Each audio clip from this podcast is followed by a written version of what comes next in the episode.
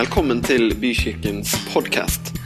For mer informasjon om oss cvvvbykirken.no.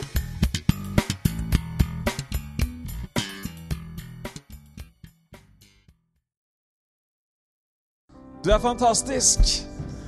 Du er god. Du er for oss. Du velsigner, du styrker, du helbreder.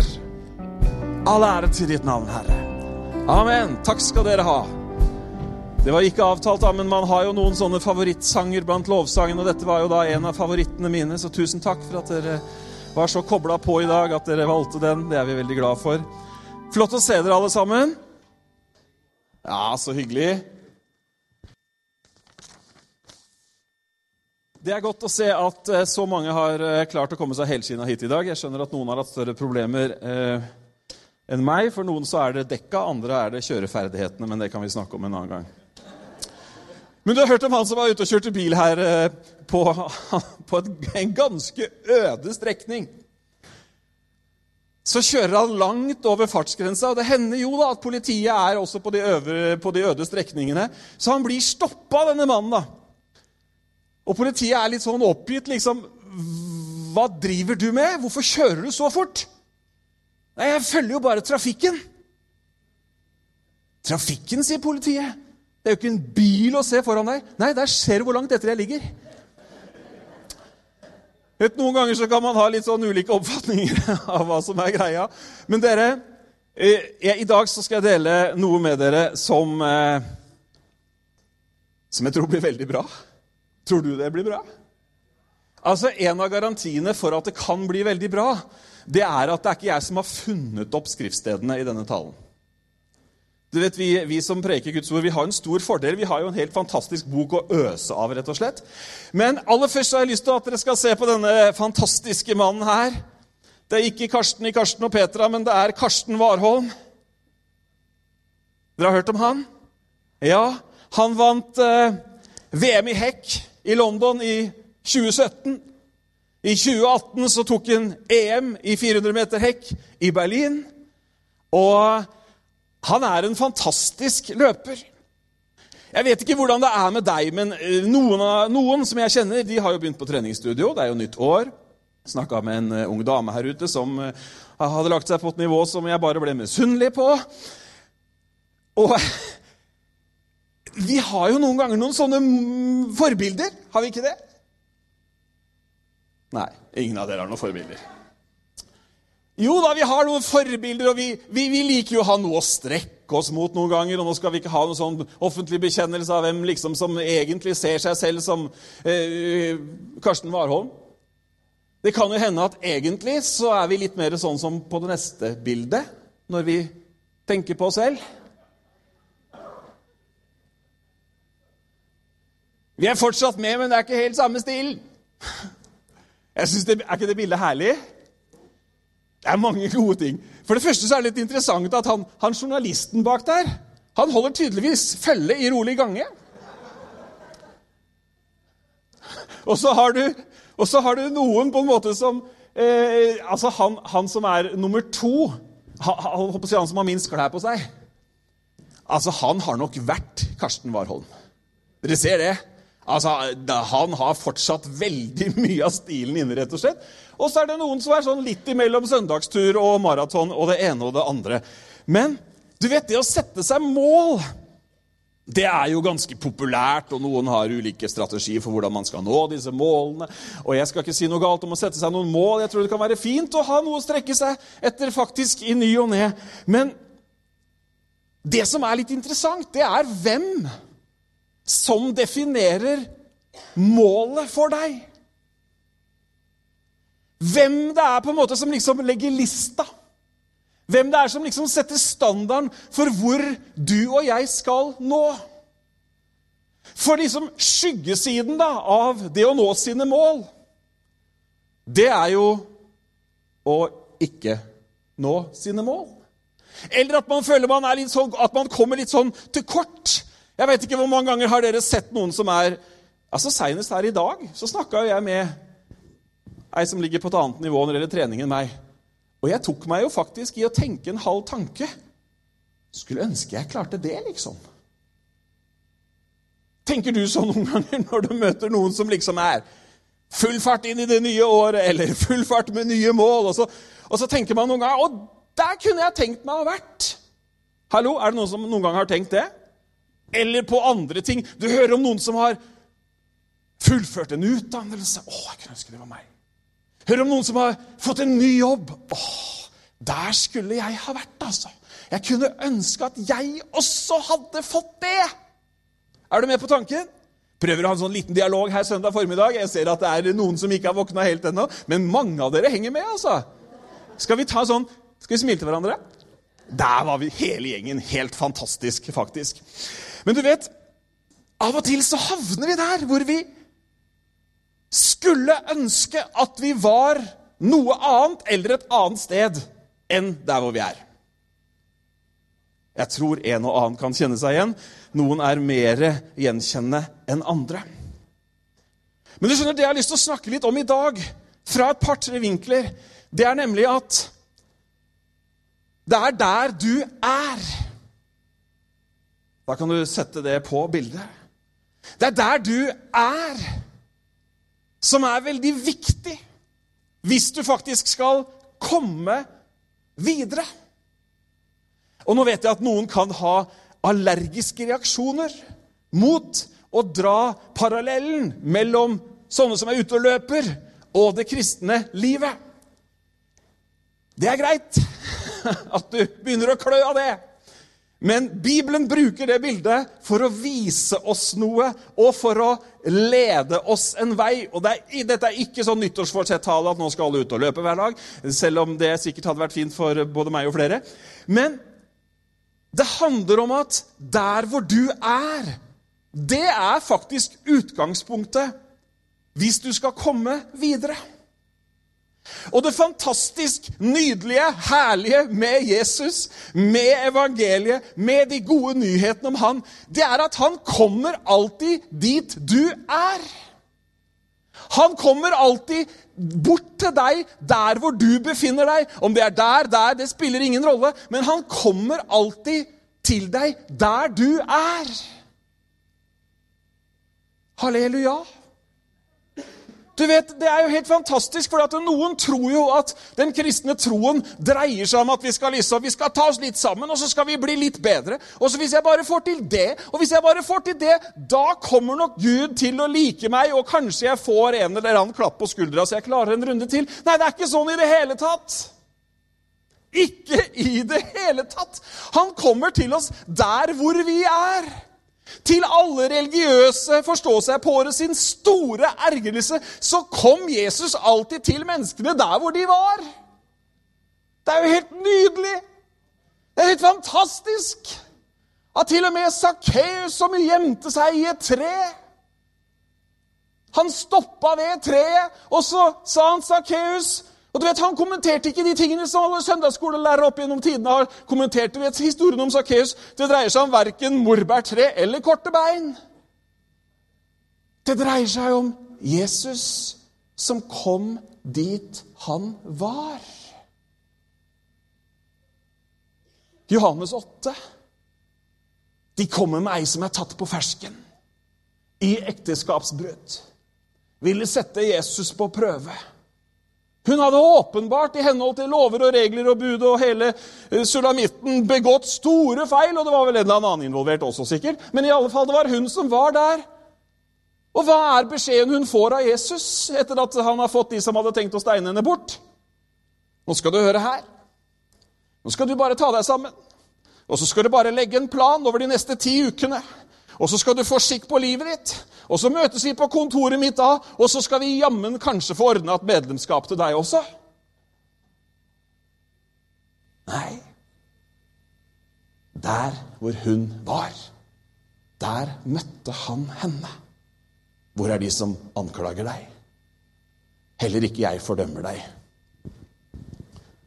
Dere, vi skal lese et fantastisk vers, eller noen fantastiske vers, i Romerbrevet 8. Og vi skal få det på veggen. I denne kirka så tror vi på Skriften på veggen. I hvert fall i denne betydning. Når jeg leser romerbrevet, så er det kjempe... Altså, det er helt seriøst. Det er vanskelig å vite hvor man skal begynne, og hvor man skal slutte. For det er så sykt bra. Altså, det, er, det, er, det, det, tar ting så på kornet. Det er altså en sånn der, Paulus har altså en himmelsk åpenbaring når han setter disse ordene, det som er helt rå, rett og slett. Her er vi, her er vi i Romerbrevet 8. Romerbrevet 8 kommer etter Romerbrevet 6 og 7. Eh, som mange sliter litt med, for der er det sånn at han sier at det han ikke vil, det gjør han, og det han vil, det gjør han ikke, osv. Men så heldigvis over i romerbrevet så sier han det at det, det er ikke noen fordømmelse hvis du er i Kristus Jesus. Nå er det noen som har brukt det bibelverset og sagt, tenkt at de kan drive med absolutt hva som helst, for det er ikke noen fordømmelse hvis du er i Kristus Jesus, men fordømmelsen den er ikke gjeldende hvis du er i Kristus. Hvis du er utenfor, så er det litt mer komplisert, men vi lar den ligge nå. Ok? Det var bare bonus track. Hva skal vi så si til dette? Nå har Paulus også fortalt at ikke det er noen fordømmelse. Han har fortalt at alle ting virker til det gode for dem som elsker Herren. Han har fortalt at vi er rettferdiggjort, helliggjort, utvalgt og kalt. Og så sier han, 'Hva skal vi så si til dette, da?' I dette spennet vi lever i, er Gud for oss? Hvem er da mot oss? Han som ikke sparte sin egen sønn, men ga ham for oss alle. Kan han gjøre noe annet enn å gi oss alle ting med ham? Hvem kan, hvem kan anklage dem Gud har utvalgt? Gud er den som frikjenner. Hvem kan da fordømme? Kristus Jesus er den som døde. Ja, mer enn det. Han sto opp og sitter ved Guds høyre hånd, og han ber for oss. Hvem kan skille oss fra Kristi kjærlighet? Nød, angst, forfølgelse, sult, nakenhet, sverd eller fare? Som det står skrevet, for din skyld drepes vi dagen lang, vi regnes som slaktesauer. Så fortsetter det der, ja. Men i alt dette vinner vi mer enn seier ved Han som elsket oss. For jeg er viss på at verken død eller liv, verken engler eller krefter, verken det som nå er eller det som kommer, eller noen annen makt, verken det som er i det høye eller i det dype, eller noen annen skapning, skal kunne skille oss fra Guds kjærlighet i Kristus Jesus, vår Herre. Du vet, Der hvor du er, så ønsker jeg i dag å minne deg på å si følgende fra disse versene. Gud er for deg. Selv om du hører, hørte til bilde nummer to i løpesekvensen her innledningsvis Gud er for deg. Jeg vet ikke om du føler noen ganger at du møter motstand på ymse områder i livet, men vet du hva? Gud, han er for deg. Og han ikke bare er for deg, liksom, ja da, vi er for det, men han utfører den posisjonen av å være for. Han utviser den holdningen ved at han faktisk også gir. Hva står det? Hvordan, han, hvordan kan han annet enn å gi oss? Vi kan føle oss i et spenn. Vi kan føle at vi ikke er der hvor vi burde være. Men hør her, kjære deg, der hvor du er akkurat nå i ditt liv. Ta det praktiske. I troslivet, ditt åndelige liv. Så møter han deg der. Jesus møter deg der du er. Og hør han er for. Han vil gi. Og det er han som erklærer oss rettferdig. Det er ikke vi som liksom tar oss sammen og blir erklært rettferdig. Det er han som gjør det. Og så sto det litt lenger ned at han ber for oss. Dere, dette er en god deal, er det ikke det? For oss. Gir oss. Rettferdiggjør oss. Og han ber for oss. Og så går Paulus videre. Og så er det liksom sånn der nesten som han sier 'bring it on'. Altså, hva kan egentlig, hva kan egentlig røre opp i dette fakta? Hva kan egentlig endre den posisjonen, den situasjonen Gud har satt deg i når du er hans? Så tar han liksom hele lista. Er det makter, eller er det myndigheter, eller er det nød, eller er det død, eller er det fare, eller er det sverd? Altså, han kunne sikkert holdt på i mange baner. Nei, ingenting! For midt oppi alt dette så vinner vi mer enn seier ved Han som elsket oss. Du vet, Det er litt spesielt, dette kristne livet. For det står at vi vinner mer enn seier. Men før vi vinner den endelige seieren, før vi får eh, uforgjengelighetens krans, og før vi er hjemme i himmelen på gater og gull osv., så, videre, så har løpet allerede starta. Men vet at løpet du og jeg er med i, det starta ved at det var en som vant. Ja, men dette er jo helt merkelig. Hvis vi skal overføre det i idrettsverden, så er det liksom som om du får den olympiske medaljen utdelt, og så kan du løpe! Jo, men det er jo helt merkelig. Men det er faktisk det som er sant. Det er en som har vunnet en seier for oss en gang for alle. Du har ikke glemt det? Jesus vant en seier en gang for alle på korset.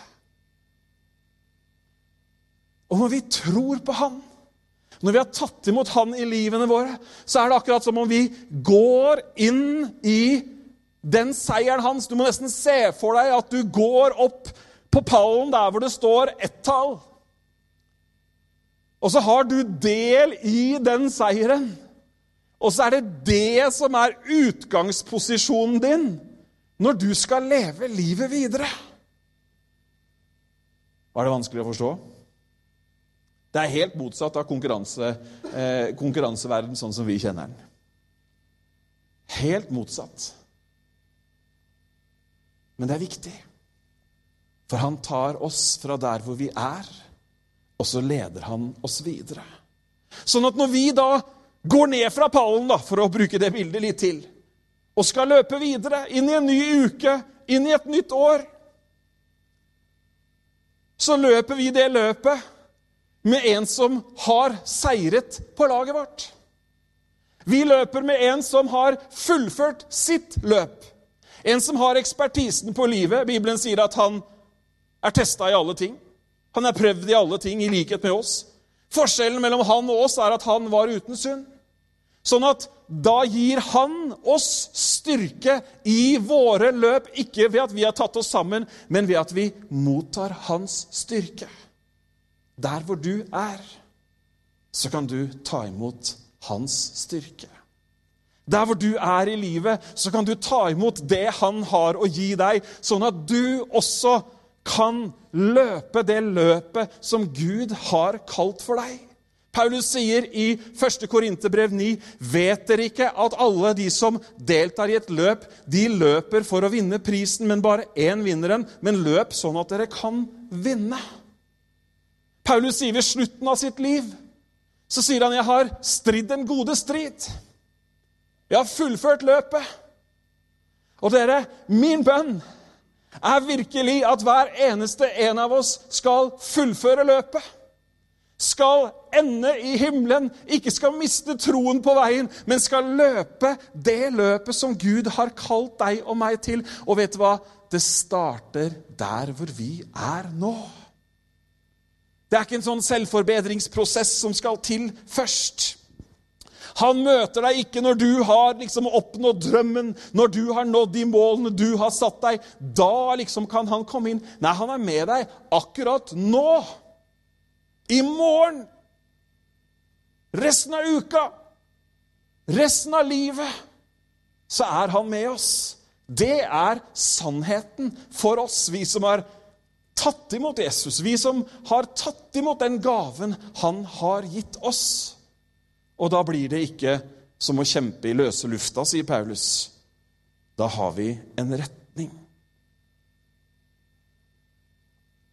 Han er for deg. Han gir deg. Det er han som har gjort deg rettferdig, og han ber for deg. I Johannes 8 der har jeg allerede sitert noe, men det står noe annet rett etter den historien om denne dama som Jesus møter der hvor hun er.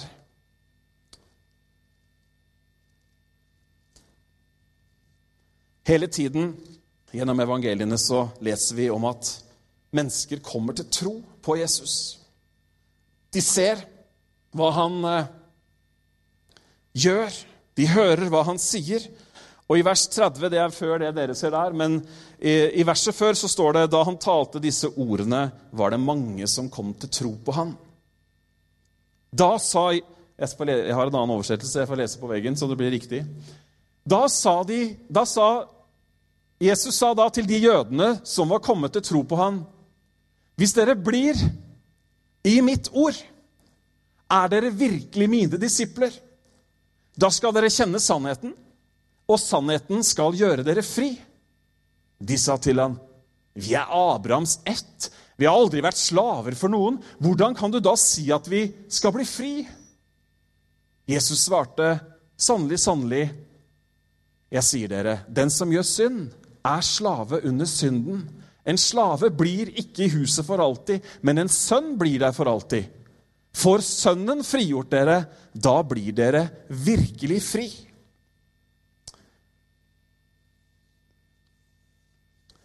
Jesus snakker med mennesker som har kommet til tro. Jesus snakker med mennesker som har hørt han, og som har tatt imot han i livet. Og så fører han dem videre med en gang. Han sier at det å tro meg, hvis du vil være en sann disippel, så blir mine ord i deg. Og du får oppleve en helt annen frihet. Hvis dere blir i mitt ord, er dere i sannhet mine disipler. Dere skal få kjenne sannheten, og sannheten skal gjøre dere fri. Et viktig steg, et viktig skifte i etterfølgelsen vår av Jesus er å ikke bare tro han og akseptere ja, han eksisterer sikkert, men det er å ta ordene hans inn i oss og bli i den sannheten som han sier om oss det fører oss til en frihet. Det er mange måter å på en måte uttrykke en tro eller en overbevisning på. Men Jesus han ba oss om å gjøre disipler. Han ba oss om å være hans disipler. Og hans disipler, det betyr at vi faktisk, hvis vi skal være sanne disipler, at ordene hans de blir en del av oss. Det betyr at det han har sagt, den sannheten han står for, blir applisert. Det blir noe som blir en sannhet i våre liv. Og så fører det til en frihet, sier han. Og Han går enda lenger og sier at hvis det, er, hvis, hvis det er Sønnen som får gjort dere fri, da blir vi virkelig fri. Men spørsmålet er trenger vi å bli fri.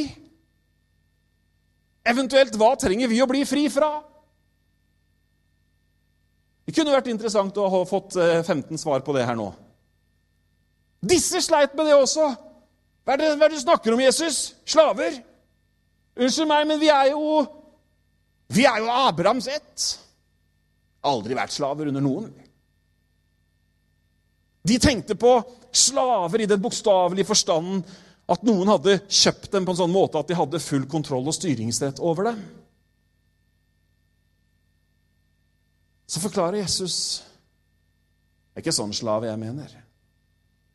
Eller sagt på en annen måte Du kan være slave selv om ikke du har fysisk, et fysisk menneske, en, en herre, en, en slavedriver over deg.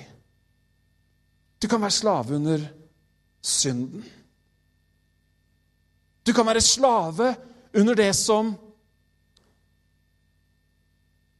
andre mener at du skal være. Jeg spurte i stad når vi begynte, hvem er det som legger lista? Hvem er det som setter standarden? Hvem er det som eh, sier 'Dette burde du gjøre'? Sånn burde det være. Hvem er det som gjør det i mitt liv? Hvem er det som gjør det i ditt liv? Jesus sier at det finnes en frihet hvor du er fri fra andres forventninger og andres påvirkning, hvor det er sannheten om deg, sånn som jeg har skapt deg, som får lov til å være livet ditt. Hvis mine ord blir i dere. Hva er Jesu ord? Det er sannheten. Jesu ord er sannheten om deg. Jesu ord er sannheten om meg. Det er sannheten om livet, det er sannheten om relasjonene. Det er sannheten om hvor, hvem vi er, hvor vi er på vei hen. Det er sannheten om at vi er elsket av Gud. Det er sannheten om at han har en plan for våre liv. Det, det er sannheten om at han ønsker å lede oss og vise oss vei, bevare oss, beskytte oss og føre oss hele veien hjem. Amen. Det er Jesu ord. Og Jesus sier at som menneske så er det faktisk mulig at det er noen andre som på en måte liksom Det blir veldig sånn vanskelig for oss. da, Vi er jo så frivutt at vi vet jo knapt hva en slave er lenger. Men, altså nesten, men, men jeg tror ikke det er så vanskelig for oss å identifisere oss med at vi kan være sterkt påvirket eller ligge under for andre mennesker sine forventninger om hva vi skal være, si og gjøre. Er du med? Alle gjør jo det. Alle andre gjør det. Dere har vel sånne små hjemme, dere også? Alle får lov til å bruke de spilla der. Ja, særlig. Det var et banalt eksempel. Men du vet, det kan være Bare komme med et lite forslag. Det kan være at etterfølgelsen av Jesus ser litt annerledes ut enn gjennomsnittlig norsk livsmønster anno 2019. Ja, nå slår det slag for at vi skal begynne å kle oss gammeldags. Nei, på ingen måte. Slapp av. Men det er annerledes og kan være annerledes å følge Han i prioriteringene våre, i valgene vi gjør i livet vårt. Men det er jo ikke dårlige nyheter. Det er jo ikke, det er jo ikke noe å henge med hodet for. For Jesus sier at når ordene mine blir i dere, dere blir i meg, da får dere oppleve frihet. Ikke sånn påtatt frihet. Ikke frihet til å bevege seg innenfor et visst område, men virkelig frihet. Og det er når vi blir fri fra våre egne forventninger du vet, Noen ganger kan de være de hardeste. Vi kan legge vi kan legge opp regimer for oss sjøl på den ene og den andre måten. Andre kan også gjøre det for oss, mer eller mindre ubevisst. Men får Sønnen gjort oss fri, da blir vi virkelig fri. Jesus møter deg der hvor du er, i din hverdag. Og så kommer han med sin sannhet, sitt ord sitt liv, sin ånd, inni oss. Og så får livet vårt mening, hensikt og et mål. Dere, Vi skal lese et skriftsted til som står i Filippebrevet. Skal vi se Kapittel 3.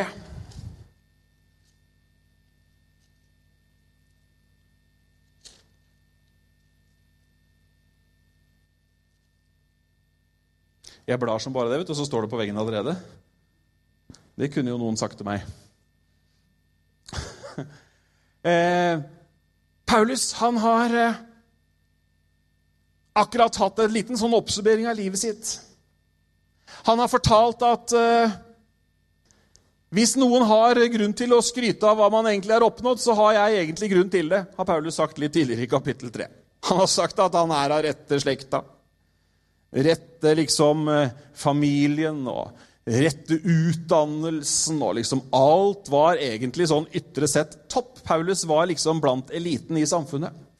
Og så har han eh, skjønt noe, da, for han møtte jo Jesus på veien til Damaskus. Møtte han litt sånn skikkelig, apropos å møte noen der hvor de er. Han ble møtt veldig der hvor han var. Eh, vi kan jo være glad for at ikke vi ikke har den type møter. Da er man veldig, veldig ute å kjøre, kan du si. Paulus var langt ute å kjøre. Du har fått med deg det? Han trodde han gjorde Gud en tjeneste når han gjorde det motsatte. Så, så feil kan man ta. Men så har Paulus begynt et nytt løp. Helt nytt løp. Han begynte løpet så fort. Han, han begynte å gjøre det han skulle gjøre så fort at, at de, som, de, kristne de fikk egentlig problemer. fordi at, uh, Unnskyld meg, men du som forfulgte oss i går, i, i, dag står du her og preker på gudstjenesten. Det er liksom som om jeg uh, skulle gjøre noe veldig annet i forrige uke kan du si, i byen vår. Og så er det liksom Nå har jeg møtt Jesus, dere! Men Paulus er i den, og så, forteller, og så sier han dette. Han har jo sett noe, han har fått en åpenbaring. Han har jo skjønt at Jesus har vunnet en seier. Han har jo skjønt at han identifiseres i den seieren. Han, sier jo at han kan bli likedannet med hans død, med hans oppstandelse. Og så sier han, 'Jeg mener ikke at jeg alt har nådd det, eller at jeg har nådd dette, eller alt er, full, alt er fullkommen, men jeg jager fram mot det for å gripe det. Fordi jeg selv er grepet av Kristus. Mine søsken, jeg tror ikke om meg selv at jeg har grepet det, men én ting gjør jeg. Jeg glemmer det som ligger bak, og strekker meg etter det som er foran, og jager fram mot målet, mot den seiersprisen som Gud fra det høye har kalt oss til i Kristus Jesus. La oss tenke slik. Alle vi som har nådd fram til modenhet. Og om dere ser annerledes på noe, skal Gud gi klarhet også i det. La oss bare, så langt vi er kommet, fortsette i samme spor. En sånn liten parentes. Jeg syns det er så fint hvordan han håndterer uenighet. Er ikke det litt morsomt? Ja, ja, hvis det er noen som eh, ser annerledes på det enn det jeg, enn det jeg gjør, så kommer Gud, Gud kommer til å vise det til dere også. Og så har han liksom lagt den ballen død om noen skulle ha en annen mening. Men det er ikke det som er poenget. Men han sier, la oss bare så langt vi er kommet, fortsette i samme spor. Der du er. Vet du hva jeg har så lyst til å Heie deg fram i neste runde. Og prøv å legge bildene fra idrettsarenaen litt bort. Jeg har så lyst til at vi i vårt menighetsfellesskap skal heie hverandre fram. Fordi at Gud han har en plan. Han har faktisk noe mer som du og jeg skal få oppleve. Visste du det? Vi står i utfordringer, vi står i kamper, vi står i det ene og det andre. Alle vi som på en måte utgjør denne gruppa som sitter her, og alle andre som, som hører til fellesskapet vårt. Men så sier Bibelen vi har ikke nådd alt. Jeg har ikke fiksa alt, sier Paulus. Men det er en som har vunnet en seier, og han tar meg fra der hvor jeg er, og så fører han meg videre. Så la oss fortsette. Kjære deg. Fortsett. Opplev at det finnes en Gud som tar deg der hvor du er, og så fører han deg videre. Ikke ved at du tar deg sammen, nei, ved at du, der hvor du er, åpner opp for at han faktisk Paulus sier han kjemper ikke i sin egen kraft, men ved den kraft og ved den nåde som han har fått av Herren. Jeg har ikke lyst til å spørre deg om du er klar for runde to, for dette er ikke runde to. Dette er livet som du og jeg er kalt til å leve. Og Vi kan motivere oss på det ene og på det andre, men jeg blir utrolig motivert av at utgangspunktet mitt, her hvor jeg er, her står jeg fordi jeg har latt en annen sin seier omslutte meg. Og det er det som er utskytningsrampen når jeg skal ta en dag til. Fordi at det står at han leder oss alltid fram i seierstog med han. Det betyr ikke at alt er seierstog, men det er alltid nye seire. Har du opplevd en utfordring i livet ditt? Eller to? Ja, vi har det. Men der hvor vi er, i det vi står ovenfor, av små eller store ting, så ønsker han å hjelpe han ønsker å møte deg der hvor du er. Hvordan vil det se ut i din situasjon hvis du tenker på en eller annen situasjon eller utfordring nå? Hvordan ser den ut når plutselig han kommer inn i situasjonen? Når sannheten fra ordet hans, når hans ord blir i deg, og de blir en del av situasjonen, så vil det være en frigjørende opplevelse hjelp. Vi skal lese formiddagens siste bibelvers. Og det står i Hebrebrevet.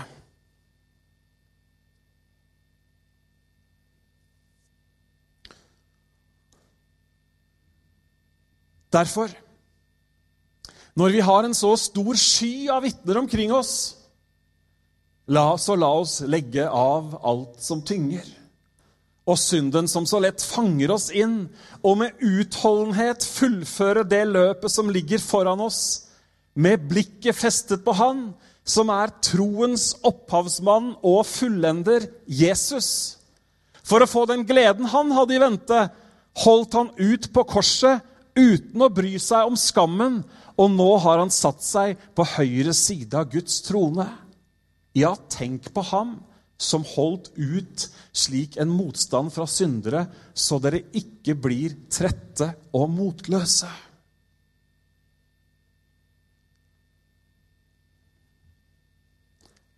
Idrettsstjerner henter inspirasjon fra tidligere idrettsstjerner.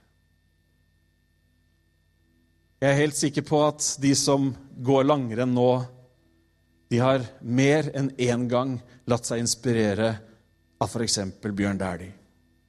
Tror du ikke det? Og så har man kanskje tenkt tanken Hvis han kunne klare det, så skal jeg jammen prøve, jeg òg. Ikke sant? Ved å bli litt inspirert av de som har gått foran oss. Foran dette så har vi kapittel 11 i Helbredbrevet, som er fullt av noen som har løpt løpet før disse som dette skrives til. Trosheltene ramses opp i kapittel 11, og derfor så begynner kapittel 12 med 'derfor'. Derfor, når det er andre som også har løpt, og som har fullført løpet, så sier forfatteren Nå holdt jeg på å si Paulus, men det har vi jo ikke landa helt. om det er han eller noen andre som har skrevet dette her. Men i alle fall så sier forfatteren av Hebrebrevet da siden det er så mange andre som ved Guds nåde og hjelp har fullført løpet sitt, så la oss også løpe, da. Amen. Jeg lar det være utfordringen til deg og til meg. La oss løpe. Og ikke tenk på hvor du er nå, men der hvor du er nå, la Jesus møte deg. La Hans ord få del, få plass inni deg, sånn at du kan bli fri fra forventningene du har til deg selv, eller alle andres forventninger. Det er deilig når forventningene faller, bare så det er sagt. Hmm.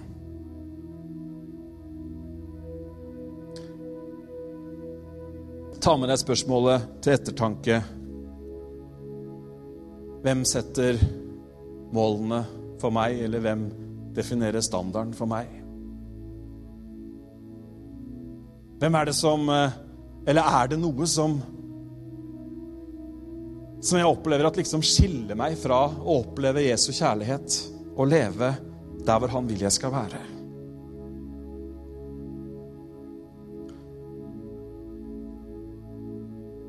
Du er, der møter han deg.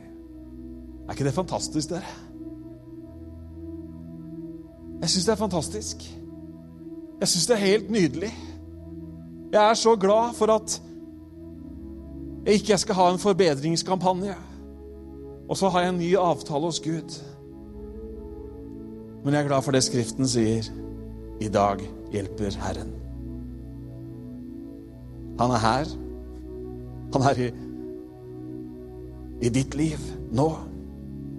Og vi kan uh, åpne oss opp for at han får røre ved oss, hjelpe oss, osv.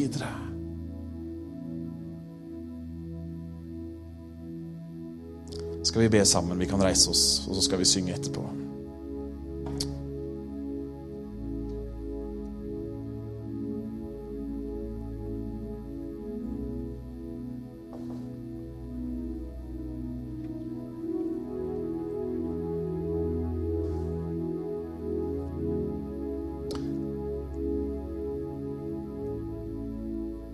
Vi takker deg, Herre, for at du møter oss der hvor vi er. Takk at du er ikke den som støter oss bort, men du er den som trekker oss til deg. Du er den som gir oss ditt levende ord. Og når det ordet blir mer enn en fjern historie, når vi tar det inn i livet vårt som en sannhet, så blir vi frie. Frie fra press, frie fra forventninger, frie fra jag, frie fra kulturelle påtrykk. Vi blir så frie at vi kan være den du har skapt oss til å være. Og vi er skapt fullkomne i ditt bilde. Jeg takker deg, far, for at på vandringen vår, i hverdagen vår, så møter du oss der hvor vi er. Og så hjelper du oss videre. Og så lar du oss vokse. Og så lar du oss gå på dypere vann med deg. Så lar du oss få oppleve at livet får den største mening. Å kjenne deg og ha det evige liv. Ber om din velsignelse over hver eneste en som er her nå. Ber om din ledelse. Takk, far, at du møter hver eneste en der hvor de er.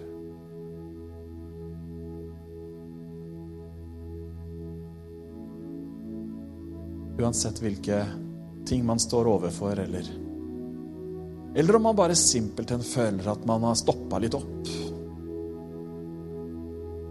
Takk for at du møter oss og fører oss videre med deg. For du elsker oss. Takk skal du ha, far. Amen.